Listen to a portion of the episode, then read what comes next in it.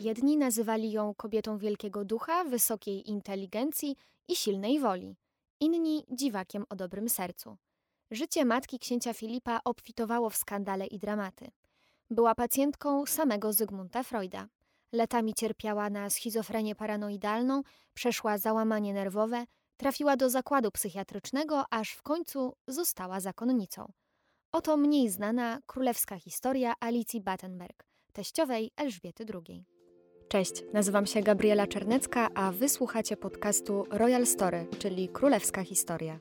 Jest takie powiedzenie, że prawda jest czasem dziwniejsza od fikcji. I w przypadku tej postaci jest ono w pełni prawdziwe. Alicja Battenberg urodziła się na zamku w Windsorze jako córka księcia Ludwika Battenberga i księżniczki Wiktorii Heskiej. Była prawnuczką brytyjskiej królowej Wiktorii. Dość szybko okazało się, że dziewczynka jest głucha, ale to nie stanowiło dla niej żadnej przeszkody. Nauczyła się czytać z ruchu warg i to w kilku językach i potrafiła bardzo wyraźnie mówić.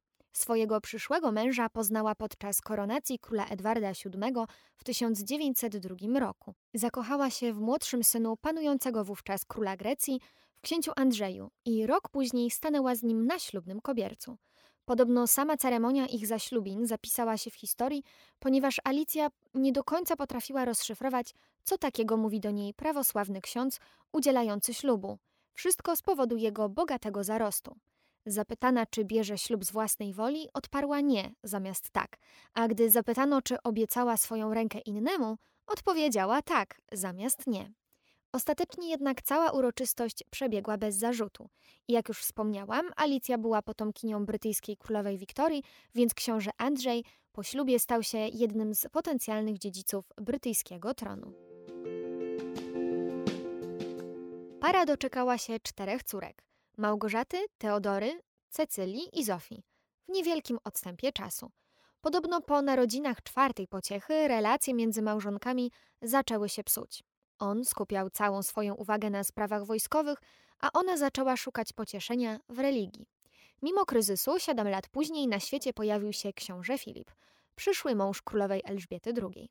Gdy skończył zaledwie 18 miesięcy, w wyniku zawirowań dziejowych, cała rodzina zmuszona była uciekać z kraju. Brytyjskim statkiem przedostali się do Francji. Tam Filip mieszkał tylko do dziewiątego roku życia, bo później, zgodnie z obowiązującym wówczas zwyczajem, został wysłany do Anglii do szkoły z internatem.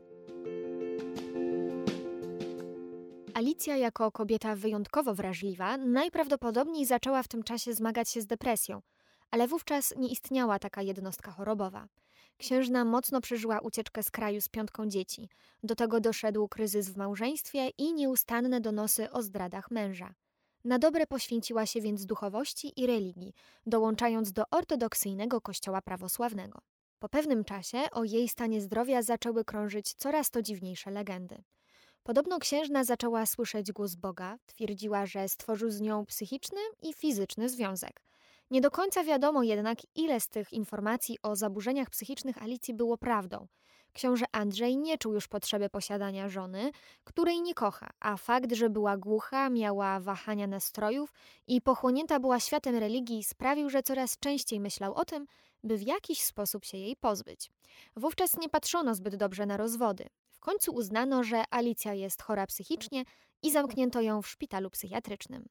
Księżna przeszła załamanie nerwowe. Stwierdzono u niej głęboką schizofrenię paranoidalną. Matka księcia Filipa trafiła pod opiekę specjalisty, jakim był słynny lekarz Zygmunt Freud. Według niektórych źródeł zdiagnozował u księżnej przypadłość zwaną wścieklizną macicy. Arystokratkę poddano więc drastycznym eksperymentom. Zalecono brutalne naświetlanie jajników w celu przyspieszenia menopauzy, stosowano elektrowstrząsy, trzymano w lodowatej wodzie i badano, jak to wpływa na jej organizm. Księżna wielokrotnie próbowała uwolnić się z oddziału zamkniętego. Nie do końca wiadomo, czy w końcu uznano ją za zdrową i wypuszczono, czy udało się jej uciec. Tutaj zostawiam znak zapytania, ale jedno jest pewne: wreszcie była wolna. Okazało się jednak, że jej córki zdołały już ułożyć sobie życie. Wszystkie wyszły za mąż za niemieckich arystokratów, a były mąż korzystał z upragnionej wolności. Z kolei syn, książę Filip, przebywał wtedy w Anglii szkole z internatem, a opiekę sprawował nad nim brat Alicji, lord Louis Mountbatten. Książę Filip w rzeczywistości wychowywał się więc bez rodziców, pomieszkiwał u krewnych, a sam przyznał kiedyś wprost, że no nie uważa swojego dzieciństwa za szczęśliwe. Księżna Alicja po opuszczeniu zakładu trochę podróżowała po Europie, aż w końcu osiedliła się w Atenach, gdzie założyła własny prawosławny zakon kontemplacyjny chrześcijańskie zgromadzenie sióstr pod wezwaniem świętych Marty i Marii. Nie wiadomo dlaczego podjęła decyzję o tym, by nie kontaktować się z synem. Mówi się, że cała rodzina myślała, że jest obłąkana, więc nie chciałaby ponownie ktoś wpadł na pomysł, by wysłać ją do zamkniętego ośrodka. Kontakt z najbliższymi odnowiła, pojawiając się 7 lat później, w 1937 roku, na pogrzebie córki Cecylii, która z całą swoją rodziną zginęła w katastrofie lotniczej. Mimo to Alicja nie podtrzymywała bliskich stosunków z pozostałymi dziećmi. Jedyny kontakt miała z własną matką. Mieszkała w Atenach w skromnym, dwupokojowym mieszkaniu. Swoje życie poświęciła pracę dla biednych i potrzebujących. Pracowała dla Czerwonego Krzyża, organizowała pomoc medyczną do Szwecji, założyła schronisko dla sierot i dzieci z biednych rodzin. Dopiero po latach wyszło, że gdy w Grecji rozpoczęły się prześladowania Żydów, których masowo wywożono do obozów śmierci, Alicja ukryła we własnym domu żydowską rodzinę Cohenów. Za to w 1993 roku przyznano jej tytuł Sprawiedliwego wśród Narodów Świata. Odznaczenie w jej imieniu odebrał książę Filip, mówiąc podczas ceremonii, że jego matka prawdopodobnie nie uważała, że robiła coś wyjątkowego, że ten akt dobroci był dla niej czymś oczywistym. Była osobą o głębokiej wierze religijnej i udzielenie pomocy człowiekowi w niebezpieczeństwie było dla niej naturalnym odruchem. Z samym Filipem księżna Alicja odnowiła kontakt dopiero przy okazji jego ślubu w 1947 roku, na który została zaproszona. Podobno nalegała jednak, by móc pojawić się w opactwie westminsterskim w habicie, czemu mocno sprzeciwiać miała się królowa matka. Ostatecznie teściowa przyszłej królowej założyła skromną kremową suknię. Choć już wtedy sprzedała większość swojej rodowej biżuterii, oddając pieniądze potrzebującym, zachowała tiarę, z której wyjęła klejnoty i przekazała je synowi, który wykorzystał je do ozdobienia pierścionka zaręczynowego dla ukochanej. Po obaleniu króla Grecji Konstantyna II w 1967 roku, by zapewnić jej bezpieczeństwo, zaproponowano jej przeprowadzkę do Londynu. Księżna zamieszkała więc wraz z synem w pałacu Buckingham, gdzie podobno często unosił się dym, a po korytarzach niósł się odgłos jej kaszlu palacza. W końcu podobno były trzy rzeczy, z którymi się nie rozstawała: habit, papierosy i karty. Według historyków cieszyła się ogromną popularnością, a szczególnie synowie Filipa, Andrzej i Edward, chętnie zaglądali do niej i spędzali z nią czas. Miała świetny kontakt z Elżbietą II, która często spotykała się z nią na popołudniowej herbatce na pogaduszki.